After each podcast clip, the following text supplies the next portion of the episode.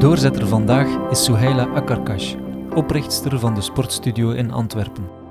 Geïnspireerd door haar moeder studeerde ze Latijn in het middelbaar, om nadien logopedie te doen en nooit meer te stoppen met studeren. In mijn uh, secundair onderwijs heb ik uh, Latijn-wiskunde gedaan. Onder druk um, van een analfabete mama. Ook al wist ze niet hoe dat zij kon, uh, kon lezen of schrijven, haar kind zou Latijn doen. En ze zou niet alleen maar Latijn doen, ze zou een primus worden in de klas. Na een korte tussenstop in het onderwijs start ze haar eigen personal trainer praktijk, de Sportstudio. Haar doelpubliek zijn kansarme vrouwen. Ik ben uh, de Sportstudio opgestart voor vrouwen die weinig um, of geen ervaring hebben in de sport. En dat maakt dat ik vooral kansarme vrouwen uh, aantrek. Want als je alle kansen hebt gekregen, dan kan het niet zijn dat je weinig of geen ervaring hebt met de sport. Souheila's missie bestaat eruit om haar gasten meer zelfvertrouwen en zelfrespect te geven in de wereld vandaag. Fysieke ontwikkeling, mentale ontwikkeling en ook gewoon echt hun plekje kennen en hun plekje opeisen in deze maatschappij. Opkomen voor jezelf als vrouw leerde ze van haar moeder. Mijn moeder is analfabeet, maar zij heeft mij wel de ware definitie van feminisme aangeleerd. En zij heeft mij aangeleerd dat feminisme niet zozeer een westerse betekenis hoeft te zijn. Feminisme, dat is gaan werken en echt een uh, businesswoman worden. Dat is feminisme, terwijl dat hoeft niet. Nee. Feminisme is ook kunnen kiezen om mama te zijn, een fulltime mama. En dat geeft zelf al heel veel empowerment en heel veel kracht. Maar ik weet dan ook dat heel veel vrouwen niet zo'n mama hebben. Alle respect voor de manier waarop ze de sportstudio runt.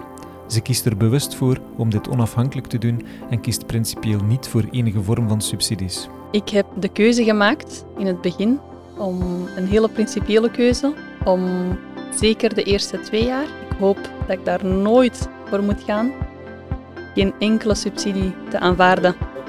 Vanuit het geloof dat wat ze doet met passie, vertrouwt ze erop dat dit uiteindelijk ook economisch zal kloppen. Aan een onderneming starten zonder um, dat uh, het financieel plaatje het allerbelangrijkste is.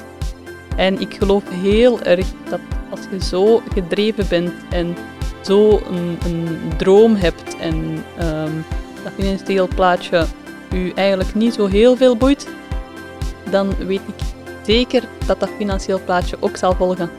Want je bent bezig met iets waar je 300% in gelooft en ook nodig is, anders zou je het niet beginnen. Um, en dan weet je gewoon dat dat volgt.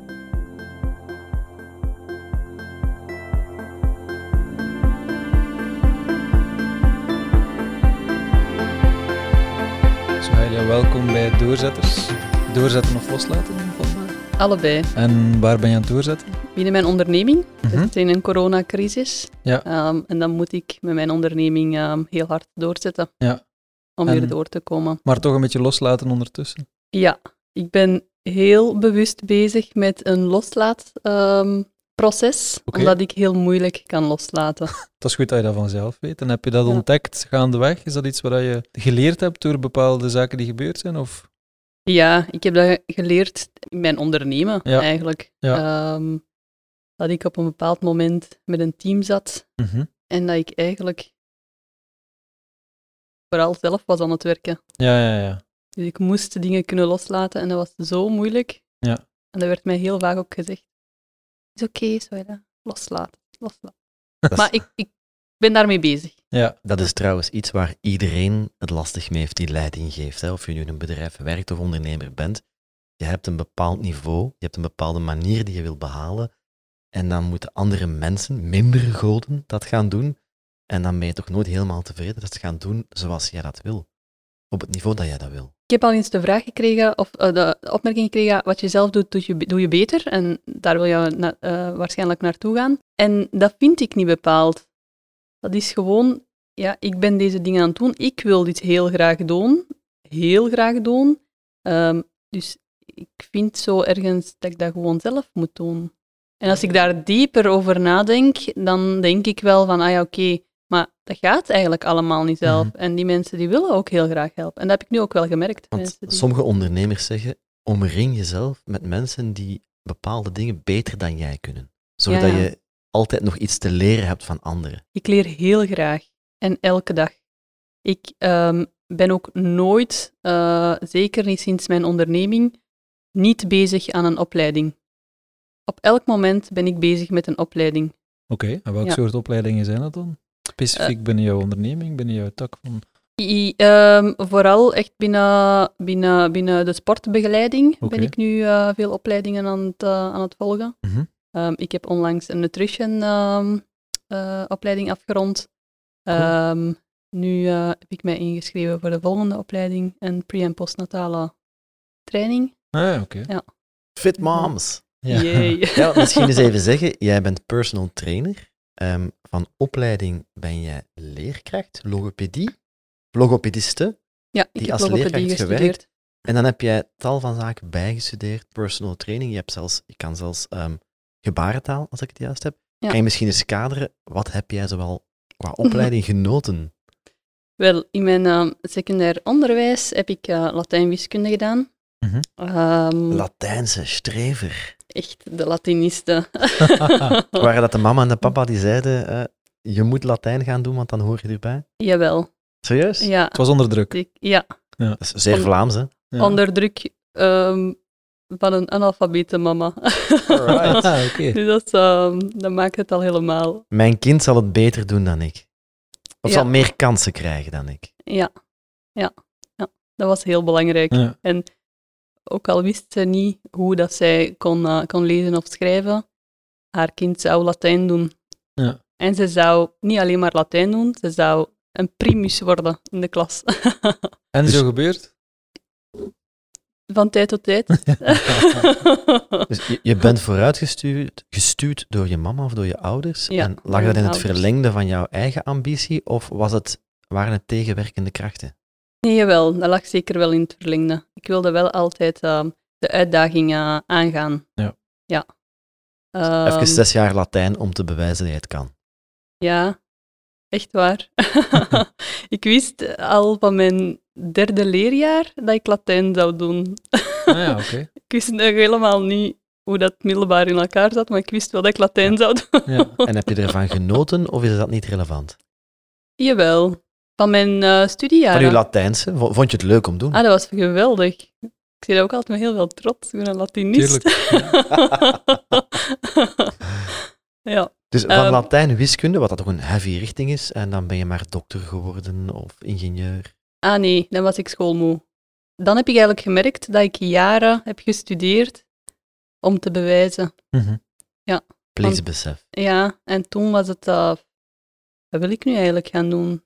Ik weet dat niet. En dan heb ik zo'n beetje gesprongen en dan eh, ben ik terechtgekomen bij eh, de logopedie. Dan heb ik logopedie gedaan. Was dat dan je eigen keuze of nog altijd ingegeven door je mama die zei, ga dan logopedie doen? Nee, dat was mijn eigen keuze. Ik kom uit een gezin ehm, van elf kinderen. Ja. En eh, vijf daarvan zijn jongens en die Mhm. hebben bijna allemaal gestotterd. Ah, oké. En- Is, dat, is dat iets fysiek of iets mentaal stotteren? Ik ben er niet mee bekend. Dat is mentaal. Je hebt natuurlijk wel fysieke reacties, secundaire reacties, Mhm. maar het is vooral eh, mentaal. Dus het is niet dat er een stottergen bestaat, het, het, het zit ergens in je ontwikkeling dan. Ja, daar zijn ze nog niet helemaal eh, over uit. Dus dat is nog niet, eh, Oké. dat is nog niet zo duidelijk, volgens mij. Ja, Joe. Joe, Biden, Joe Biden was of is een stotteraar, Ja, klopt. dus het hoeft geen beperking te zijn. Zeker niet. Ik denk dat ehm, ja, geen enkele eh, ja, haakjes beperking echt beperkend moet zijn. Mhm. Zeker niet. Mooie visie. Het kan, het kan juist een sterkte zijn van een persoon. Absoluut. Zeker. Ja. Ehm, maar dus dat heb ik gecombineerd met ehm, een avondschoolstudie eh, gebarentaal. Omdat ik dat heel graag wilde leren.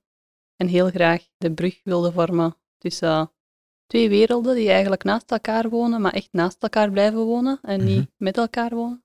of samen wonen. Samen leven. Ehm, en in het begin wilde ik echt een eigen praktijk en eh, klanten ontvangen. Een en zo klassieke echt. logopediste met een gouden plaatje aan de muur. Ja.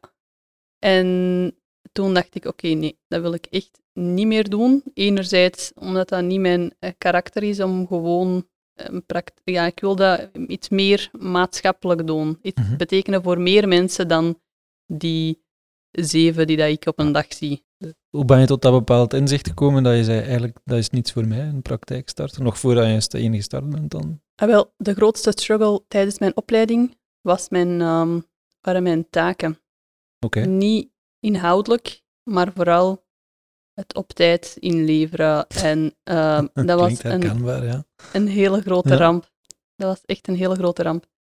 En in een praktijk is dat 70% van uw bezigheid. ja, ja. Je bent maar 30% bezig met klantencontact. werk, ja. Ah, dus echt administratie en zeggen, ik heb dat met die gedaan en krijg ik dan daar zoveel vergoeding voor en dat soort van zeven? Ja. Alright. En echt eh, ehm, onderzoeken uitschrijven, naar het Mhm. RISIF sturen, zien dat echt elk puntje Ja. daarin staat. Doet me een Ja. beetje denken aan die memes die je zag van eh, what people think I do, eh, what, what I actually do. Ja. En heel vaak is dat bij mensen. Een heel groot deel is deskwork, is administratie. En zijn niet, is niet datgene wat de buitenwereld denkt dat je doet. Klopt. Ja, en dat wilde ik dus absoluut niet. Mhm, Ik wilde 90% klantencontact. Ja. ja. En En wat zijn dan Ik- de opties? onderwijs. Oké. En dan ben ik in het onderwijs gegaan. Ehm, Want dat is geen administratie dan?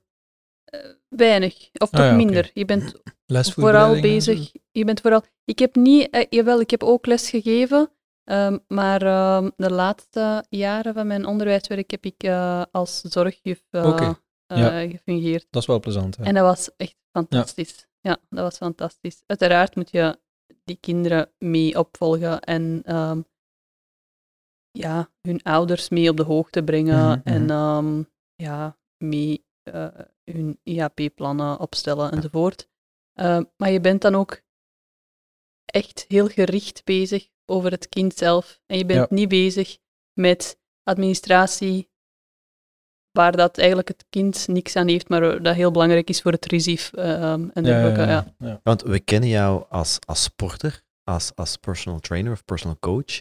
Maar in het onderwijs was je dan geen leerkracht LO. Je was echt vanuit je kennis als logopedist, vanuit die opleiding actief. Ja, klopt. Ja, ik was echt... eh, alhoewel dat ik wel goede vriendjes was met de leerkrachten hoor.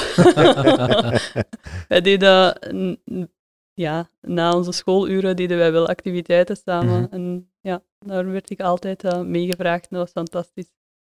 Ehm, ja, aan verschillende lopen tot... eh, we hebben eens een breakout run gedaan.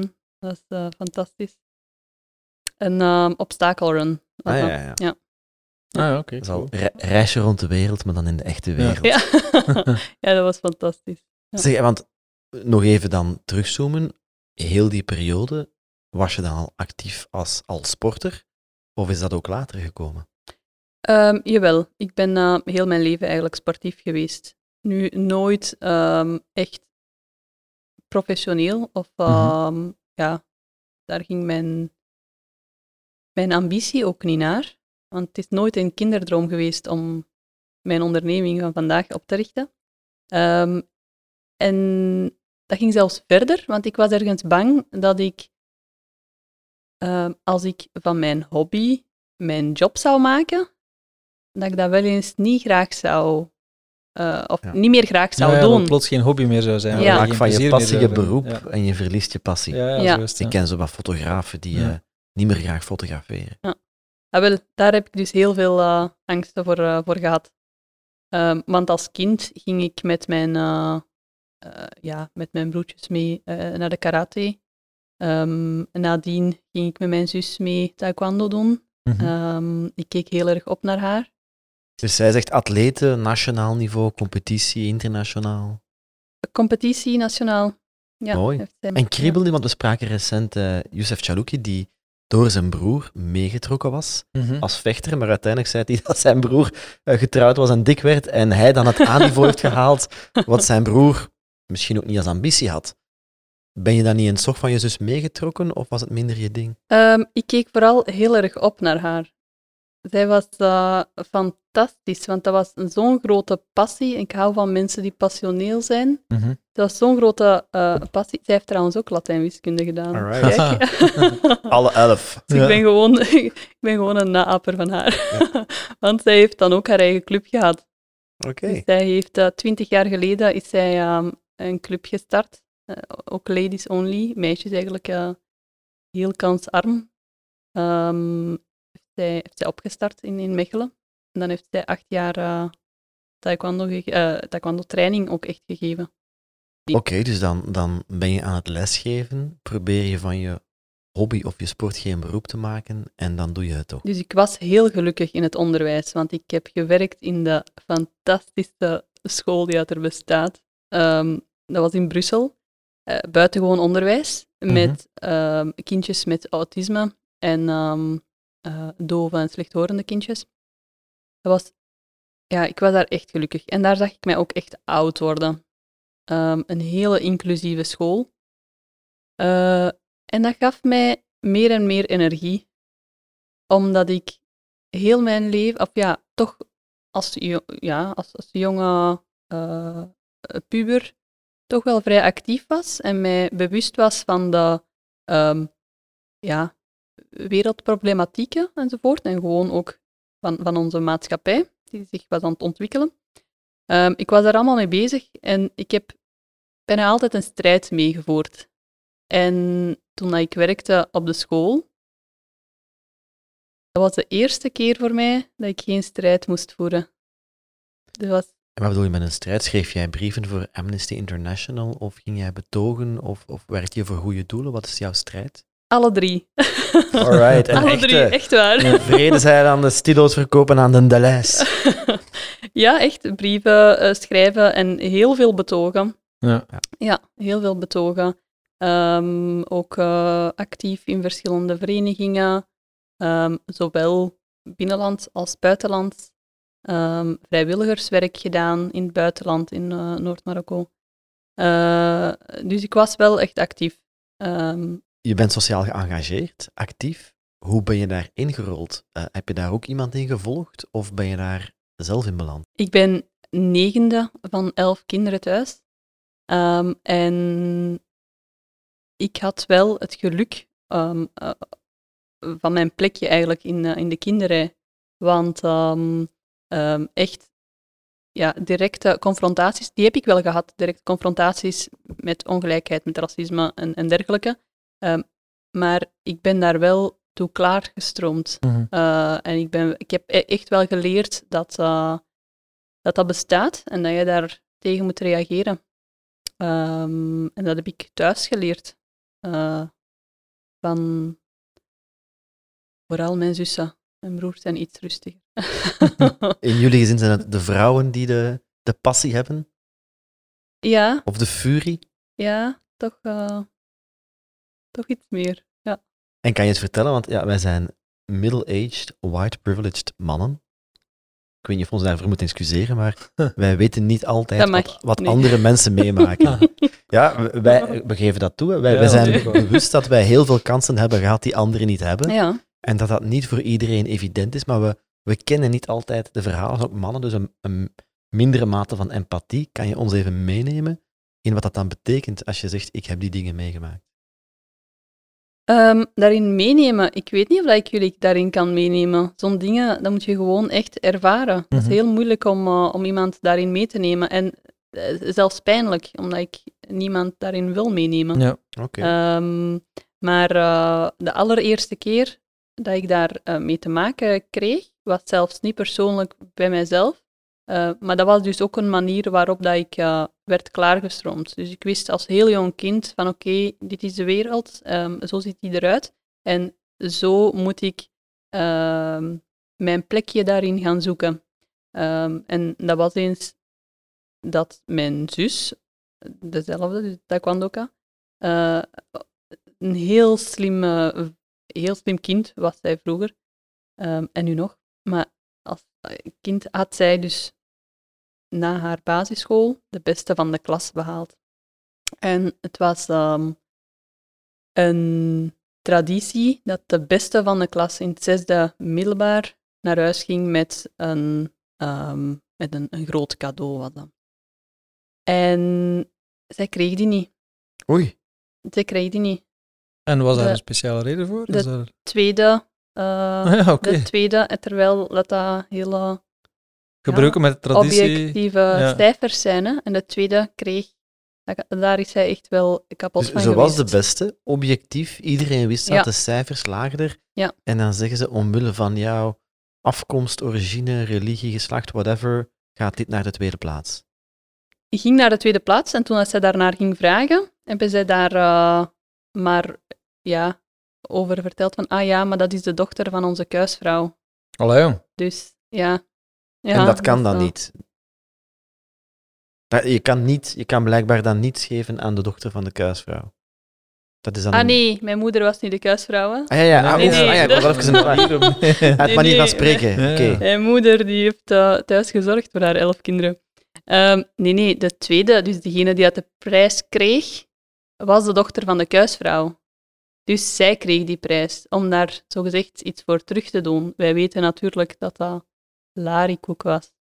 Ja, ja oké, natuurlijk. Maar dat was gewoon een, een uitleg om te Ja, verantwoorden, zo gezegd, waarom dat die zus eh, Ja. dan de prijs niet kreeg. En dat je... Ja, Ja, dan snap ik wel de rebellie natuurlijk. Als je daar als jonge zus bij staat, ja als je daar als kind rechtvaardigheid ziet. 11, 12 jaar, Ja, ja. maak je dit mee. ja. Ik was toen drie. En eh, zo ben ik eh, grootgebracht. Ja. En dat was de ene na de andere.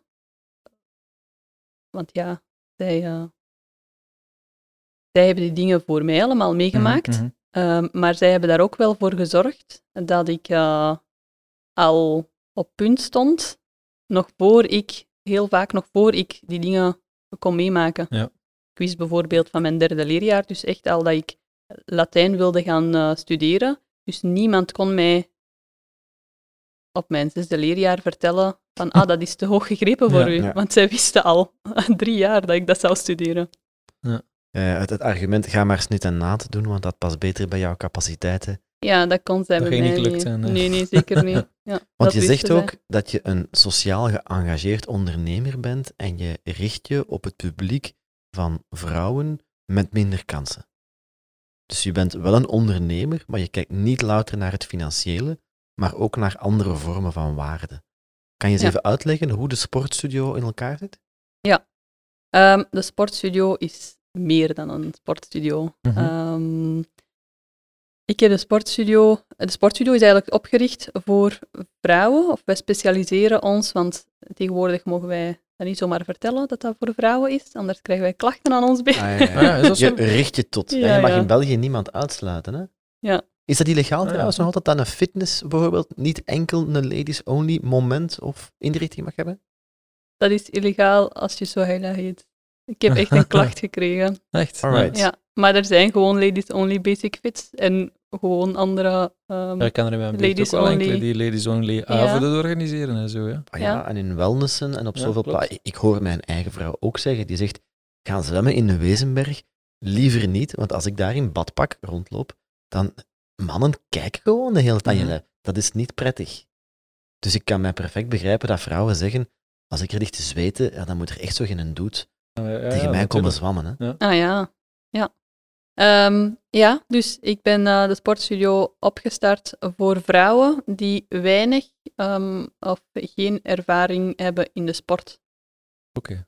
Ehm, en dat maakt dat ik vooral eh, kansarme vrouwen eh, aantrek. Want als je alle kansen hebt gekregen, dan kan het niet zijn dat je weinig of geen ervaring hebt met de sport. Omdat Mhm. sport zo'n basic is. En de sport is dan algemeen, of dat is, dat is martial arts, of dat is eh, uithoudingssport? Ehm, allereerst ben ik begonnen met eh, functioneel fitness. Ja. Ja. Ehm, omdat dat de sport is waar ik mij uiteindelijk heb in eh, gespecialiseerd. Mhm. Maar ondertussen geven wij ook Thai-fits, wij zelf Mhm. ontwikkeld. Ehm, het is een combinatie van taekwondo, thai-box en fitness.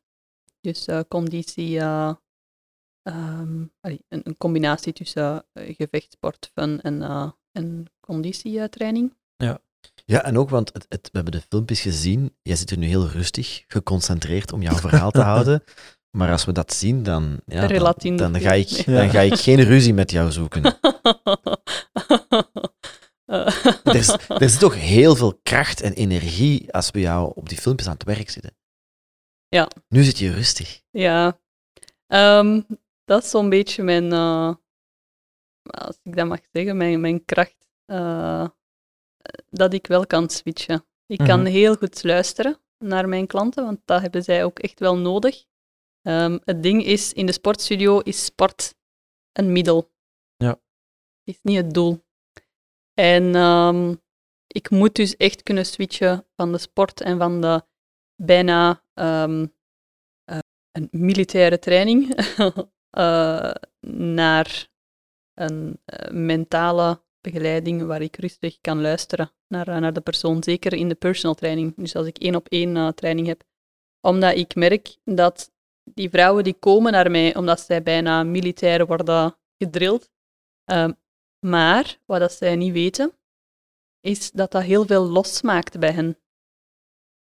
Ehm, dus die krijgen Beweging heel... en sporten. Ja. Ja. Dus, heel, dus zij gaan echt tot het uiterste. Iets wat dat zij nog nooit hebben gedaan. En dat maakt mentaal ook heel veel los. Mhm. Dus ik krijg heel vaak vrouwen die ehm, neervallen bijna op hun knieën en beginnen te wenen. En dan moet ik van eh, sergeant naar, eh, naar psycholoog overspringen. Ja, want je zegt sport is een middel. Wat is dan het doel? Is dat, is dat empowerment? Is dat mentaal mensen laten losbreken? Ja, inderdaad. Echt ehm, eh, fysiek, eh, fysieke ontwikkeling, mentale ontwikkeling en ook gewoon echt hun plekje kennen en hun plekje opeisen in deze maatschappij. Voor zichzelf opkomen. Want een heel groot deel van mijn doelgroep is ehm, een groep van vrouwen die ehm, zichzelf een beetje ja, hebben verloren. Of die zichzelf nog niet hebben teruggevonden. Terwijl, dat, eh, terwijl dat die in, in een leeftijdscategorie van eh, rond de 40 jaar Mhm. zitten. En nog altijd hebben die zichzelf niet, eh, niet teruggevonden of niet, niet, niet gevonden. Omdat ze zichzelf ook voor een stuk wegcijferen uit Ja. de situatie waar, of in de situatie waarin dat ze zitten, los van de sportstudio dan. Ja, inderdaad. En ook gewoon omdat zij zijn opgegroeid in een bepaalde eh, tijd en niet de sterkte hebben gehad, eh, of de kracht hebben gehad, Mhm. die dat ik heb gehad, of die mijn ouders dus hebben gehad, om ehm, eh, te gaan zoeken naar hun, hun, eh, hun rechten of hun kansen. Mhm. Dus ehm, Want heel vaak, hè, er is zo'n beetje de, wat is dat, de neoliberale theorie die zegt hè, kansen, kansen geven, kansen nemen. Hè. En bepaalde politici die zeggen, ja maar ik zat vroeger aan de kassa van de Deleuze in het weekend als kansarme en ik heb het gehaald. En omdat ik het voorbeeld ben dat het gelukt is, moet Dus dus, iedereen iedereen, het, het, ja. kennen. Terwijl ja, sociale ongelijkheid is...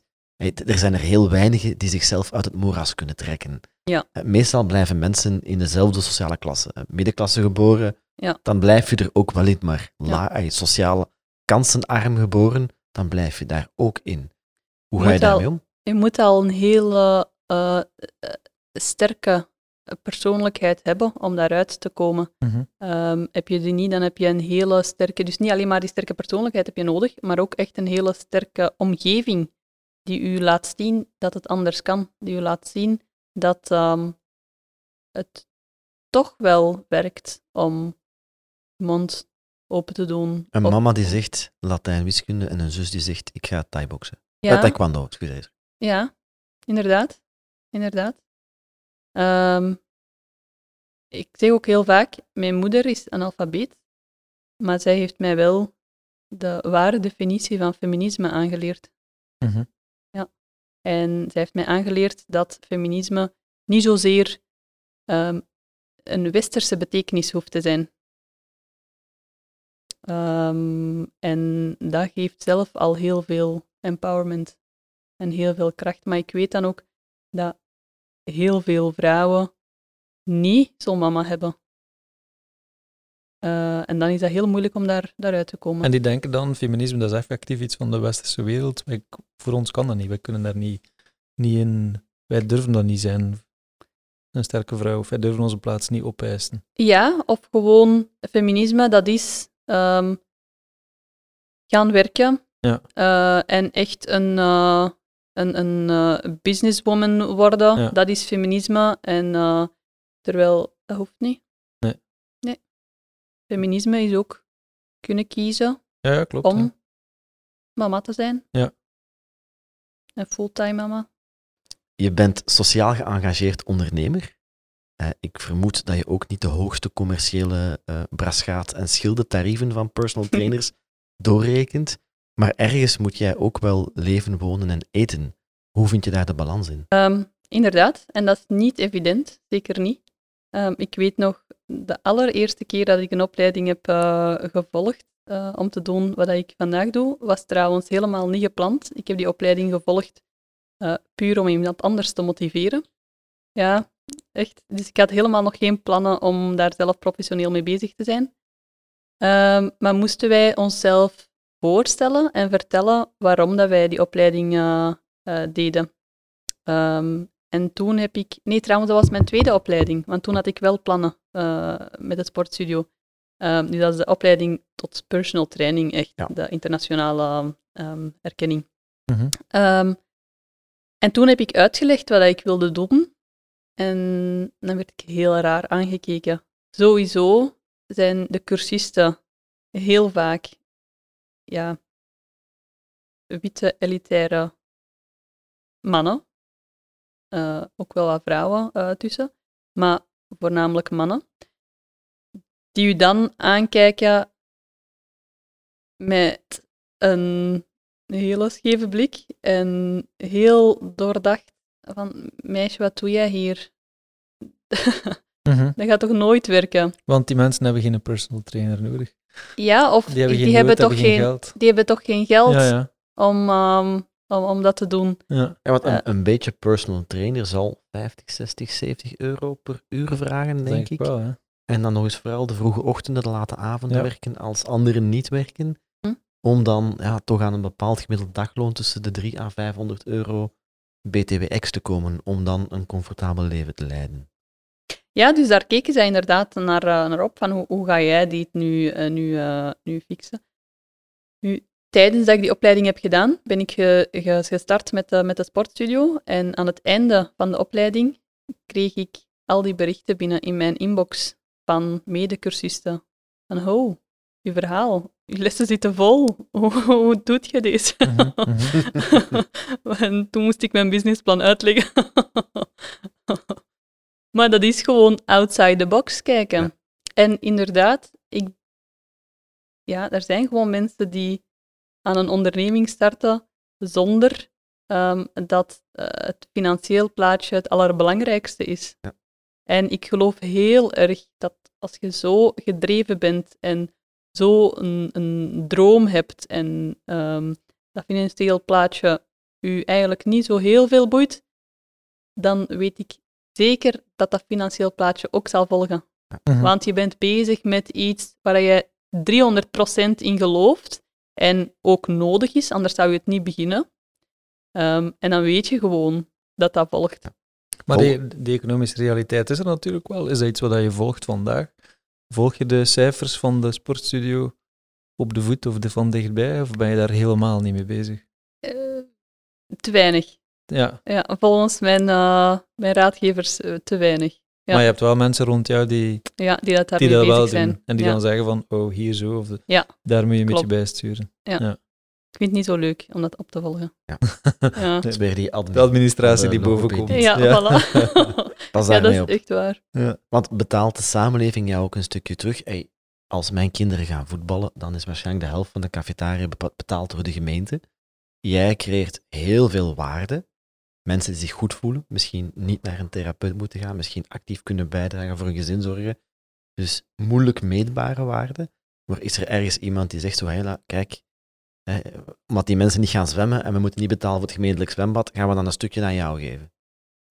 Ehm, ik heb ehm, de keuze gemaakt in het begin om een hele principiële keuze om zeker de eerste twee jaar, ik hoop dat ik daar nooit voor moet gaan, geen enkele subsidie te We vroegen aanvaarden. het ons af in het begin. Ja. 100% vrijheid. Dat vind ik wel 100 sterk. 100% Aan vrijheid. niemand verantwoording af te leggen, Nee. behalve aan jezelf. Ja, inderdaad. Eh, de sportstudio is ook opgericht puur in het geheim. Niemand wist dat ik daarmee bezig was, twee maanden lang. Puur om te kunnen doen waar ik zelf mee wilde bezig zijn. En ik wilde geen enkele mening hebben. Van niemand niet. Want je was zo overtuigd van jouw was- idee, het gaat werken. Ik was zo heel overtuigd. Ik wil dit, ik ga hiervoor. Ehm, en niemand moet mij zeggen, ik zou dit zo aanpakken of dit zo doen. Nee, dat hoeft niet. Want je, je gaf in het begin ook aan van... ehm, sorry, ik ben een draad kwijt. Je gaf in het begin ook aan dat je moeilijk kan delegeren, taken afgeven aan anderen. Hoe ga je om met advies van anderen? Ik vraag heel weinig advies gewoon. Dus heel vaak kijk ik naar. ehm, ik, ik sluit mijn dag in een sportstudio altijd af met een vast afsluitritueeltje, waarin dat ik ook zelf reflecteer over de dag. Mhm. En dan probeer ik de volgende dag altijd beter te maken dan de dag van vandaag. En op die manier heb ik eigenlijk geen advies nodig. Want de sportstudio heeft een DNA, een heel sterke DNA. En die is gestart met een ideologie. En ehm, daarin zet ik mij gewoon de hele tijd eh, voor in. Ik heb nu wel gezorgd voor een, ehm, een soort raad van bestuur. Right. Ja. Ehm, Ieder jaar eens gaan eten. Kijk. Maar echt puur omdat ik zo eh, zeker was van mijn DNA, van die ideologie. Oké, dit wil ik. En ik heb dat dan aan die mensen eh, van die raad eh, zo verteld. We hebben het daarover eh, gehad. En dan was mijn vraag vooral van, kijk, de bedoeling van, ehm, van jullie is, zien jullie op een gegeven moment dat ik wat afdwaal? Mhm. Trek mij dan maar terug. Ja. Van, hey, Sarah. Wat waren de parameters om in die raad van bestuur geselecteerd te worden? Ehm, onze raad van bestuur bevat meer klanten dan personeel. Dat Ja. sowieso. Ehm, want dat is het belangrijkste. Ehm, en mijn klanten geven eigenlijk, om terug te komen op uw vraag voordien, mijn klanten geven eigenlijk het advies dat ik moet volgen. Elk traject dat ik uitwerk, eh, zet ik nog niet online, vooraleer dat ik een aantal klanten, of raad van bestuur, waar dat dan ook een aantal klanten in zitten, ehm, wa- ga aftoetsen. Van dit en dit ga ik aanbieden, wat vinden jullie daarvan? Mhm. Ook qua prijs, is dit te betalen? Ehm, is dat niet te betalen? Heel vaak zeg je zo, dat is te weinig. Ah ja. ja, nu zeg je heel vaak zo, dat is te weinig. Maar ik vraag me dan echt af, is dat niet te betalen? Oké, ik ga het dan niet zomaar goedkoper maken, want inderdaad, anders het moet wel rendabel Mhm, zijn. Ehm, maar dan ga ik daar wel aan sleutelen. Op welke manier kan ik dat goedkoper maken? Jij bent eigenlijk hip en trendy met customer-centric en customer first. En dan op die manier testen tot iets werkt. Ja, inderdaad, echt trial and error. Hoe zit het met jezelf als sporter? Want je traint wel, je kan misschien een beetje meetrainen. Maar heb je nog zelf, ben je actief ergens in, in, in sport? Beschrijf eens jouw eigen sportieve leven vandaag. Eh, vandaag, ehm, eigenlijk veel te weinig. Het is zo druk en ik vind, ik vind het echt enorm, eh, enorm spijtig. Ehm, Je hebt een personal trainer nodig. ik heb personal trainers. Ah ja. Meerdere. Maar je luistert Echt niet waar? goed. Ik heb echt personal trainers. ja. Ehm, maar dus, eh, ja, vandaag, vandaag is het eh, corona, dus vandaag, vandaag Mhm. train ik alleen maar in mijn eigen sportstudio. Ja. Eh, maar anders eh, doe ik ook wel aan eh Thaibox, Mhm. ook in personal training, bij ehm, Daniela Somers. Heel. Alright. Jee. Ja. Ja. een fantastische vrouw waar ik heel veel respect ehm, eh, voor heb. Ehm, en wekelijks hebben wij dan een, eh, ja, een training. Eh, en dan train ik in haar groepslessen ook nog eh, daarbij. En ben ik veel aan het fitnessen. En ook daar heb ik eh, geregeld, en dan wissel ik af eh, tussen verschillende personal trainers, om daar puur ook, eh, ook van te leren. Nog Het altijd. wel het ultieme statussymbool, dat je niet één personal trainer Ja, hebt, maar personal meerdere. trainers. Ja. Ja, je zei ook het grote C-woord, maar we stonden er even niet bij stil, omdat we zo geboeid waren door jouw verhaal. Maar ja, maart 2020, de boel ging plat. In de zomer misschien heel even, of een beetje buiten. Maar ja, hoe zit het dan met jouw activiteiten vandaag de dag?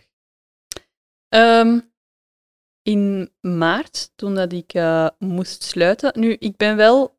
Ik heb zelf gekozen om te sluiten, net voordat het verplicht werd. Dus, ehm, oké, maar ehm, het zat er wel Mhm. aan te komen. Dus ik ben eh, gesloten. En dan was ik echt drie weken depressief in bed. Dat was enorm moeilijk, want ik ben met de sportstudio van s morgens tot s avonds laat ben ik, eh, ben ik daarmee bezig. En ineens had ik niks meer. Dus ik wist ook niet meer wa- wat ik moest aanvangen met mezelf. En na drie weken dacht ik, kom aan, Saida. Dit gaat sowieso nog twee of misschien drie maanden duren. Tuurlijk. Zie nu. Zijn nu, ja, Ja. ik had dat echt nooit eh, kunnen... Allee. maar dus ik dacht, dat gaat misschien nog drie maanden duren. Wat als wij drie maanden verder staan en ik achteruit kijk en ik helemaal niks heb gedaan? Dat kan Mhm. toch niet? En dan ben ik gaan beginnen nadenken over, oké, hoe kunnen wij hier toch iets, ehm, iets, mee, iets mee doen? En dan heb ik mijn grief van de sportstudio Ehm, dus dan heb ik een traject uitgewerkt en mijn grief aan de sportstudio verdeeld onder mijn klanten die mee wilden doen aan, eh, aan het traject. En uw grief is dan het sportmateriaal. Sportmateriaal, Ja. dus echt mijn gewichtjes, mijn Ja. matjes, Ja. ehm, de rekkers, helemaal verdeeld. En dan hebben wij een online traject, allee, online tra- trajecten hebben wij eh, dan gedaan. Het was Mhm. fantastisch. Ehm, en looptrainingen waren ook een enorm groot succes. Mhm. En ehm, in de zomer gingen wij dan buiten in het park uh, bootcampen. Ja. Was, was het moeilijk om jouw publiek te bereiken online? Want je spreekt over kansarme vrouwen, vrouwen met minder kansen. Ja, ik weet dat niet. Is het even evident om even een Zoom-call te openen en s'avonds een, workout online te doen? Nee, zeker niet. Dat was heel moeilijk. En in het begin, daarom dat die drie weken heel moeilijk waren voor mij. In het begin zag ik mijn collega's wel vrij snel switchen in online. Ehm, en ik wist van mezelf van oké, Zoila, dit kan je ook niet doen. Want ten eerste, mijn doelgroep heeft niet de ruimte die dat Mhm. je ziet bij je eh, collega's, eh, hun, hun, hun klanten. Dus die hebben niet de ruimte. Ehm, misschien hebben die, ja, een gsm hebben die natuurlijk wel allemaal, maar een groter scherm om een fatsoenlijke training mee te kunnen volgen, is eh, ook niet voor iedereen evident. Ehm, en daar zat ik dan zo'n beetje in vast. En toen dacht ik, nee, ik moet hier een oplossing voor vinden. Ehm, en dan ben ik gestart, want toen was het ehm, eh, in april, eind april begon de Ramadan. Dus dan dacht ik, ah wel, daar ga ik eh, gebruik van maken. Dus dan Mhm. heb ik het eerste Ramadan-traject eh, uitgewerkt. Wacht even, want dan Ramadan wil zeggen, je mag bij daglicht niet eten en niet drinken. Ja, klopt. En dan was het ook redelijk warm, dacht ik. Ja. En dan ga je sporten. Hoe combineer je dat? Ja, dus dan heb ik vooral ingezet op voeding. Ehm, dus omdat eh, ik was ook dus tegelijk was ik aan het denken, ik moet een online eh, aanbod creëren. Maar daarnaast was ik aan het denken, oh, Ramadan komt eraan. Ramadan is een hele feestelijke maand ook. Ehm, elke dag wordt er uit, eh, uitgebreid gekookt en, en, Mhm. en dergelijke.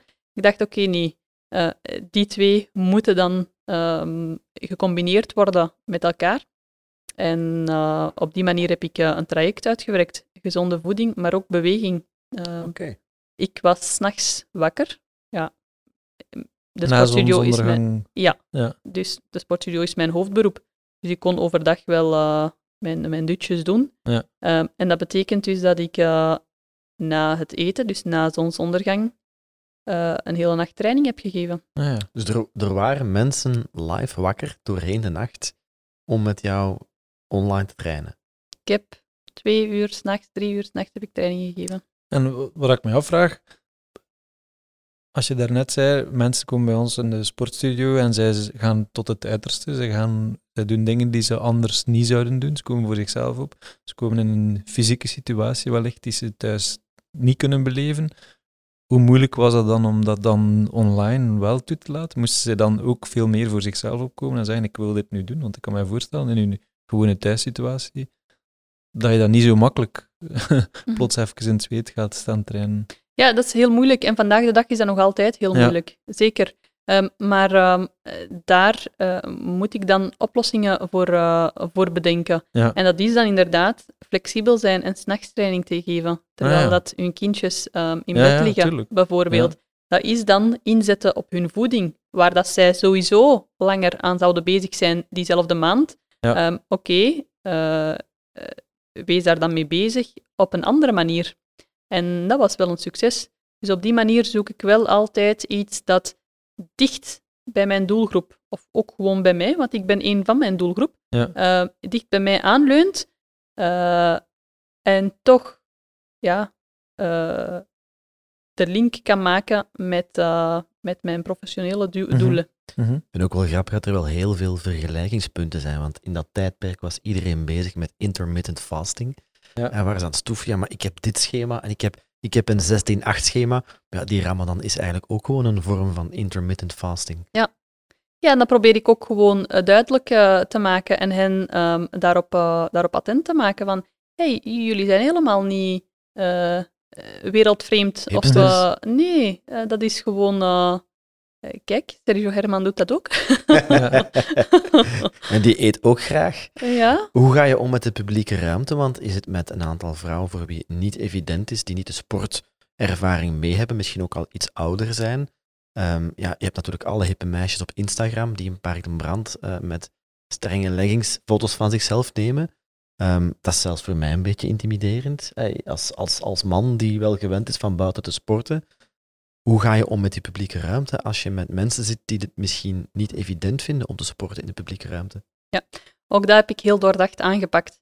Ehm, door niet meteen een aanbod eh, te creëren eh, in het park, allee, of toch niet in het dichtstbijzijnde park Mhm. bij hun thuis, maar ik zocht dan altijd een park dat iets verder was bij hen, van hen, ehm, om daar dan de loopsessies te geven. Het fantastische is dat zij vandaag de dag gewoon dagelijks ehm, in hun eigen park eh, hun loopjes, en dat gaat echt tot eh, 10. Er is zelfs iemand die eergisteren 30 kilometer aan een stuk heeft gelopen. Right. Ehm, Missie geslaagd. en dat, is- dat is fantastisch. Ja. En die lopen ook echt gewoon dagelijks 10 kilometer, terwijl dat zij eh, nog geen jaar geleden nog nooit hebben gelopen. Mhm, mhm. Dus ehm, ik, ja, ik, ik durf dan ook wel zeggen dat de sportstudio de Antwerpse parken heeft veranderd.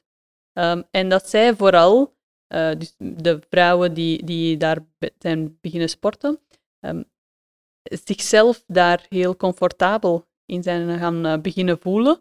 En dat dat dan eh, komt van een Sohaila, die kijken heel raar naar ons, Ja. naar een vandaag. hey, wij zijn vandaag echt goed aangemoedigd door de andere lopers. En dat is fantastisch, want dat is niet altijd zo geweest. Mhm, mhm. Ja, want ik, ik woon zelf bij een park in het Antwerpse. ehm, en vlak in de buurt is een Joodse school. Dus de ene dag is de Joodse gemeenschap daar. De andere dag heb je de, de Indische diamantairs van wat verder. eh, en nog een andere dag de Arabische gemeenschap. En ik loop daartussen en ik zie de mensen van de mama's, van de papa's van op de school. Van mijn kinderen. En dat is heel normaal. Ehm, maar jij was deze zomer in Borsbeek aan het trainen. En er was iemand die het daar wel moeilijk mee had. Klopt. Ik eh, was bezig met ehm, een bootcamp. En ik had dus eh, een, een groep dames voor mij. En ze deden op een gegeven moment teken. Coach, kijk achter u. Ik keek achter mij en er was een witte man ehm, in een versnelde stap naar, richting mij aan het, eh, aan het stappen. En ik dacht dat hij iets wilde vragen. Mhm. Dus ik liep daar ook nog naartoe. Ja. Ja, dus ik ga daar naartoe. Oké, die wil iets vragen. Ehm, en op een gegeven moment zag ik zijn gelaatsuitdrukking en die was iets aan het roepen. En ik dacht, oké, dit, eh, Dat gaat fout. ja, dit gaat echt eh, fout. Nu, op dat moment hadden wij heel veel geluk dat er naast ons een groepje eh, mensen waren die ehm, bezig waren met het speltje Cube. Ja. Ja. Dus, ehm, en daar waren twee, of één, één sowieso, er was één agent bij, in Burger. Mhm. Dus met zijn vrienden waren die daar ehm, een cube aan het spelen. En ehm, ja, die hebben dan... Eigenlijk zijn, zijn zij onze redding geweest. Want, want, eh, die man kwam die, man, die, kwam, die... die kwam echt eh, fysiek aanvallen. Ah ja, oké. Ja, en dan hebben die onze tassen en de tassen van de personen naast ons eh, omver... Allee, dan heeft, heeft, heeft hij hen omver, eh, de tassen omver ge- geschopt. Ehm, eh, en dan is hij dan eh, op hun spelletje zich gaan... eh, omdat hij werd aangesproken door die agent, is hij dan richting hen gegaan en, en, en hun spelletje eigenlijk volledig ja, geruineerd. En wij hoorden dan constant, die moeten hier weg en die moeten terug ehm, en die moeten afgeslacht worden. Dat was enorm, enorm. En ik voelde mij wel echt, echt machteloos. Want ik stond daar met tien vrouwen, volwassen vrouwen, en die waren in tranen. Mhm. En toen dacht ik echt, oké, okay, is gefaald. Of de sportstudio is gefaald. Want de bedoeling van de sportstudio is om een veilige omgeving te creëren eh, voor die dames. En het was op dat moment niet veilig. Mhm. Het was helemaal niet veilig. Ik had eh, schrik voor mijn eigen, voor mijn dan- eigen leven. Dan bedoel je zowel emotioneel veilig, maar ook fysiek veilig. Ja, inderdaad. inderdaad. Op dat moment, moment vooral fysiek veilig. Het was echt niet veilig en ik kon hen ook niet beschermen. Dus de sportstudio staat ook echt voor een bescherming, voor opkomen van, ehm, eh, van vrouwen die zich eh, niet gehoord voelen of die niet mogen zijn wie dat ze zijn. En op dat moment kon dat niet. En toen was dat een hele moeilijke. En hoe ben je daarmee omgegaan nadien dan? Heb, heb je dan meteen dat traject gezegd, dat doen we niet meer en we, doen, we zoeken een ander traject om uit te werken? Nee, zeker niet. Ja. Ik ben, eh, want dat was op een vrijdag. En toen hebben wij dus, eh, dus het traject was van maandag tot vrijdag. Dus het weekend hadden wij sowieso eh, de rust. Mhm. We hebben daar heel veel over gepraat. En Mhm. ik heb toen echt een belofte gemaakt aan die dames. Dat ik het daar niet bij zou laten. ehm, bij eh, de situatie zelf. Ehm, dus daar is klacht eh, Ja. voor neergelegd en, enzovoort. Maar ook gewoon voor ehm, ja, het onderwerp of wat daar is gebeurd. Dus niet die specifieke eh, gebeurtenis, maar gewoon de, de situatie waarin dat wij leven. Waarin dat je fysiek bezig bent en iemand die daar niet mee akkoord is, dat het niet kan maken om gewoon fysiek tegen jullie te reageren dan. Ja, maar ook gewoon fysiek ergens zijn of eh, gewoon ergens leven Ja, en ja. dat iemand daar niet akkoord mee is. Ja. Dus daar heb ik echt mijn belofte van gemaakt van eh, daar ga ik werk van maken. Ja. En daar ben ik mee bezig. En hoe doe je dat dan? Is dat dan een andere aanpak? Zijn dat dan andere, andere manier van werken in het park? Of eh, Ehm. pa- pas je jezelf daaraan aan? Of is het... eh, Ten eerste om gewoon door te doen. Ja. Eh, niet opgeven, laat ze niet zeker, inderdaad, niet je mannetje opgeven. staan is misschien een verkeerd woord, maar je plaats blijven innemen. Ja, Want inderdaad. Ja, en ook verdient die plaats natuurlijk. Inderdaad, echt hen ook heel duidelijk laten, laten weten en aanleren dat, dat, dat wij eh, onze, ons plekje niet, niet moeten vragen, Nee, tuurlijk, ja. maar moeten opeisen. Ja. Dit is onze plek. Daar heeft niemand iets over, eh, Ja, over jullie te zijn allemaal inwoners van Antwerpen, de parken zijn van iedereen. Ja, tuurlijk. En wat is er emanciperender dan vrouwen die buiten sporten? Ah ja, tuurlijk. Ehm, dus dat probeer ik hen aan te brengen, maar ik ben dan eh, uiteindelijk ook eh, ingegaan op, ehm, want op hetzelfde moment eh, kreeg ik de vraag ehm, van de stad Antwerpen om eh, Poster girl! Yes. Op een- Dus ik heb een belofte gedaan aan die dames ehm, om, eh, om daar tegenin te gaan. Mhm. En een van de dingen waar dat ik dan mee bezig was, was ehm, ehm, eh, beeldvorming. Eh, want op hetzelfde moment kreeg ik de vraag eh, van iemand van de stad Antwerpen of dat ik graag, of dat zij graag zouden hebben dat ik op een, een poster van de stad Antwerpen zou, zou komen, dat sportgerelateerd was. Mhm. Eh, en initieel zag ik dat niet zo zitten.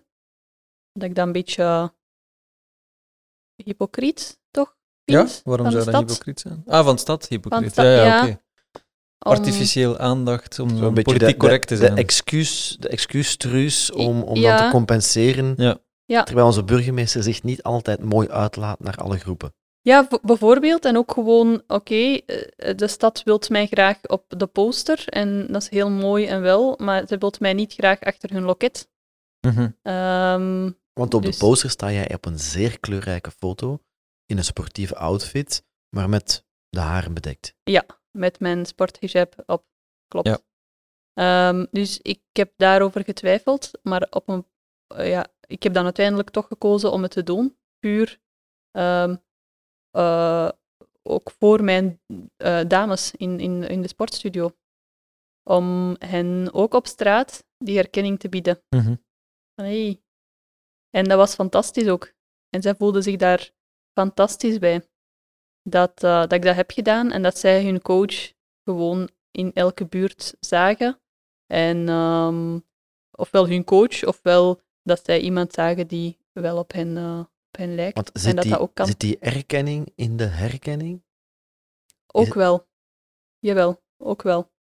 Ehm, ja, het- dat is zeker een grote, een grote meerwaarde, die herkenning. Ja, het is in ieder geval een mooi statement. Als je zegt van ik ben gefaald, denk ik niet. Ik denk dat het beter is op die manier te reageren dan op, op het moment dat die man naar jou toestapte, om daar dan fysiek op te reageren. Ik denk dat Ja, ik kon daar een- fysiek niet op voilà, ik reageren. je- Natuurlijk, ik, moet mij geen, ik was zelf doodsbang. Ja, ja. moet mij geen keer doen. allee, ik doe wel aan thaibox en zo, maar dat is gewoon een, een, een man, eh, pakt een, een veertiger, Ja. die veel groter, veel, veel sterker is dan Ja. ik. Ehm, dus ik kan daar gewoon niet op reageren. En nu hij u, als hij door de stad loopt, eh, ja, om de Dus- vijf meter op een poster staan. Dat is een veel groter statement dat je maakt. dan ja, ja, inderdaad. inderdaad. Hij kan er niet meer rond, hè. Hij kan Nee. niet tegen elke poster gaan vloeken. En om, om Borsbeek ook niet te veel in, in kwaad daglicht te brengen, de, de burgemeester is later wel met jou teruggekeerd om jou ook wel te zeggen, deze plaats is ook van jou, of interpreteer je die foto verkeerd? Jawel, dat klopt. Dus ehm, maandag dan, dus meteen de volgende bootcamp-sessie, is de burgemeester langs geweest om, eens, om ons eh, eh, persoonlijk welkom te heten Ja, in zijn prachtig. park. Dus dat was wel heel mooi en hij heeft een applaus gekregen van al die dames. Vond hij Mhm. zelf ook heel fijn. Ja, natuurlijk. Moet verkozen worden. Dat is, Ja. dat is waar een Je burgemeester hebt voor gezegd dat. Ja. niemand in Borsbeek gedomicilieerd was, maar nee, inder- inderdaad. Eh, maar dat was wel een fijne, Ja. eh, ja, een fijne geste. Ja. Als ik jou zie, dan zie ik heel veel passie, energie, gedrevenheid, eh, maar ook vechten voor de goede zaak, ondanks dat er heel veel mensen tegenwringen of systemen structureel tegenwringen. En dan zie ik ook een risico voor iemand met zoveel energie. Ben je anders tegen de muur gelopen? In mijn onderneming zelf? Of? Gewoon in, Gewoon in in mijn alles leven. wat je onderneemt, want ik, ik zou geen onderscheid durven maken tussen jouzelf en jouw onderneming. Ben je alles heb je alles... Nee, ik bedoel, alles vertrekt bij jou vanuit passie en waarden. Ja, Ehm, klopt. Maar ben je zelf alles zo ver gegaan dat je zoveel hebt gegeven dat je zelf leeg was? Ehm, vroeger wel. Sinds dat ik mijn onderneming ben gestart, is dat nooit, eh, nooit gebeurd.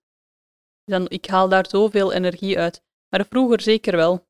Ehm, dan, tijdens mijn activisme eh, heb ik inderdaad heel, heel veel gegeven en ben ik, eh,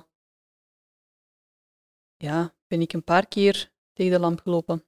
Eh allee, dat is een beetje raar gezegd tegen de lamp Mhm. gelopen, maar een paar keer ben ik echt eh, op geweest. Ook gewoon, ja, niet begrepen, gevoeld. Eh, het was heel raar. Was dat misschien omdat je de impact niet onmiddellijk ziet? Want ja, betogen, protesteren, ergens tegenop komen, dat is niet meteen iets aan doen. Nu heb je direct impact, je bent iets aan het doen. En Ja, ik denk dat wel. Ik denk dat wel. je draagt inderdaad. onmiddellijk bij aan hetgeen wat je doet, zie je. Ja, en ik, ja, en eh, ook het feit dat ik ehm, inderdaad nu mij een specifieker eh, doel heb Ja. gegeven. Ja. En daarvoor was dat misschien veel, veel te breed. En eh, keek ik dan ook gewoon binnen de sport zelf, hè, eh, werd ik soms echt eh, heel, heel kwaad. Eh, want bijvoorbeeld, en ik heb daar een aantal voorbeelden van, mijn nichtje, dus Mhm. mijn, eh, mijn eh, allee, de dochter van mijn zus, die wilde heel graag klimmen in haar balletcarrière, in haar basisschool. En toen heeft ze daar zo hard voor gewerkt. En ze zat op een school dat gelinkt is met de, met de Vlaamse balletschool. Heel hard heeft ze daarvoor gewerkt. En zij was goed. Zij was echt goed genoeg. Maar zij had niet het uiterlijk van een eh, prototype eh, ballerina. Doe je dan lichaamsbouw of huidskleur? Of... Ja, beide. Dus zij was niet, alhoewel dat zij heel, heel, heel mager was, maar zij was niet het klein, tenger, wit meisje met zacht blond haar. Uh, en dat was heel moeilijk. Dat was heel moeilijk. Dat enerzijds. Anderzijds um, ook de... Ja, in, in de sport zit heel veel ongelijkheid ook. En dat heeft mij heel, veel, heel, heel boos gemaakt. Uh, want we hebben bijvoorbeeld de tous ensemble leuzes, mm -hmm.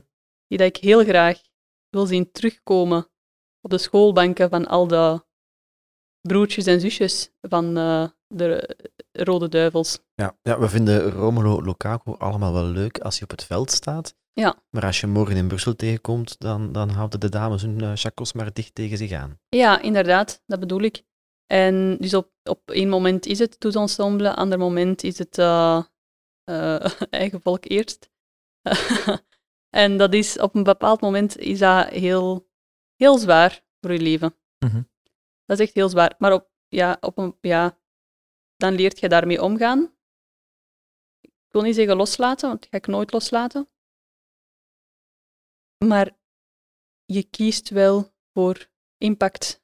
Wat heeft meer impact of op welke ja. manier? Je passie ik, efficiënt uh, inzetten. Ja. ja. Choose your battles. Ja, ja, voilà. Op welke manier kan ik echt uh, direct iets betekenen voor Mhm. mm -hmm. mensen?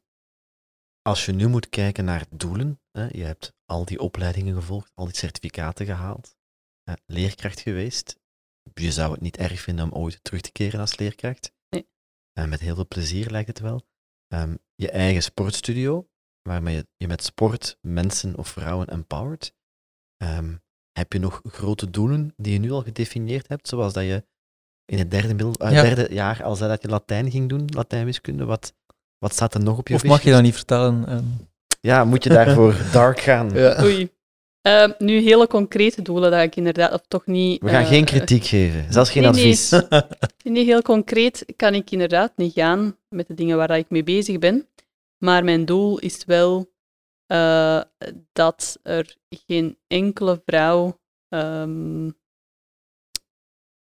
geen toegang zou hebben tot de sport of tot haar uh, zelfontwikkeling. Mhm. Mm -hmm. Het zij fysieke zelfontwikkeling, het zij mentale zelfontwikkeling, uh, omwille van uh, kansen. -hmm. Dus omwille van te weinig kansen. Uh, dat is mijn doel. Moet je dan echt... eerste minister worden van dit land? Of hoe ja, realiseer je je zeggen, dat klinkt vaag, maar heb je dan Liefst concrete niet. plannen? Want ja. dat hebben ze al bewezen dat dat niet helpt. ja, ligt momenteel ook gevoelig in Antwerpen. Ja. Um, nee, liefst niet. Uh, ik zeg het, de sportstudio verandert de Antwerpse part, uh, parken uh, vandaag de dag al. En ik ga gewoon hiermee, hiermee door. En dan gaan wij uh, Vlaamse parken veranderen. Mhm. En dan gaan wij nog meer veranderen. Um, nee, dat is wel ja, echt iets waar ik mee bezig wil. Heb je dan een, een kan je zeggen, een leger aan Sohailas nodig, maar heb je dan een sterk netwerk nodig? Want ja, iedereen, het is heel, heel veel one-on-one, -on -one, of zelfs ja, terreinen van groepjes van tien. Mm -hmm. Maar dat wil zeggen, als je overal wil zijn, ja, je kan niet overal tegelijkertijd zijn. Hoe ga je dat schalen? Nee, inderdaad, want nu zit ik in Antwerpen en in Limburg met de sportstudio. Alright. Dus er zijn uh, inderdaad al twee uh, mm -hmm. vestigingen. Um, maar ik wil ook nog niet te snel groeien, omdat ik inderdaad het DNA van de sportstudio wil laten groeien. En ja. niet Sohaila wil laten groeien. Mm -hmm. Of um, zomaar een, uh, een brand wil, wil laten groeien. Um, dus daar ben ik mee bezig met mensen inderdaad op te leiden of mensen aan te trekken die like-minded zijn, om hen dan uh, in te zetten om het uh, verder door eh, te trekken. En zijn dat dan zware sollicitatieprocedures of is dat eh, community building wat je doet? Dan haal je mensen uit jouw netwerk? Ehm, dat is inderdaad mensen halen uit mijn netwerk. Mhm. Ja, dat is eh, Zelf erg- mensen omdat- zien en aanspreken dan. Ja, inderdaad. Omdat ik eh, wel al vacatures heb uitgeschreven. En dat is gewoon heel moeilijk. Want ofwel zijn mensen te angstig om daar ehm, op in te, ja, op in, eh, in, te, in te pikken. Ofwel ja, zijn zij nog niet. Want er zijn heel veel mensen die, en dat ben ik nu dus aan het doen, heel veel mensen die wel in het team willen komen, maar die daar nog niet de capaciteiten voor hebben. Die dat Ja. daar wel geknipt voor zijn om in het team te komen. En ze passen ook echt binnen de sportstudio, maar nog niet de kwaliteiten kunnen, kunnen, kunnen, kunnen aanbieden. En daar zetten wij ons nu eh, op in. Train the trainer. Ja. Ja. Echt, ja. Een laatste, voor ik Pieter de allerlaatste vraag laat stellen. Ehm, en nu ben ik hem weer kwijt. Ik ben, ben ook gigantisch moe een hooikoortsweekend geweest. Ja. Ik had er een. Ja, sorry, ik ga het niet. Laatste vraag voor Pieter. Aan de allerlaatste vraag mag beginnen. Als je met alles wat je weet vandaag eh, zou kunnen teruggaan en jezelf adviseren, en dat meisje in het, in het vierde leerjaar dat zei, ik ga Latijnse doen, welk advies zou je dan geven aan jezelf?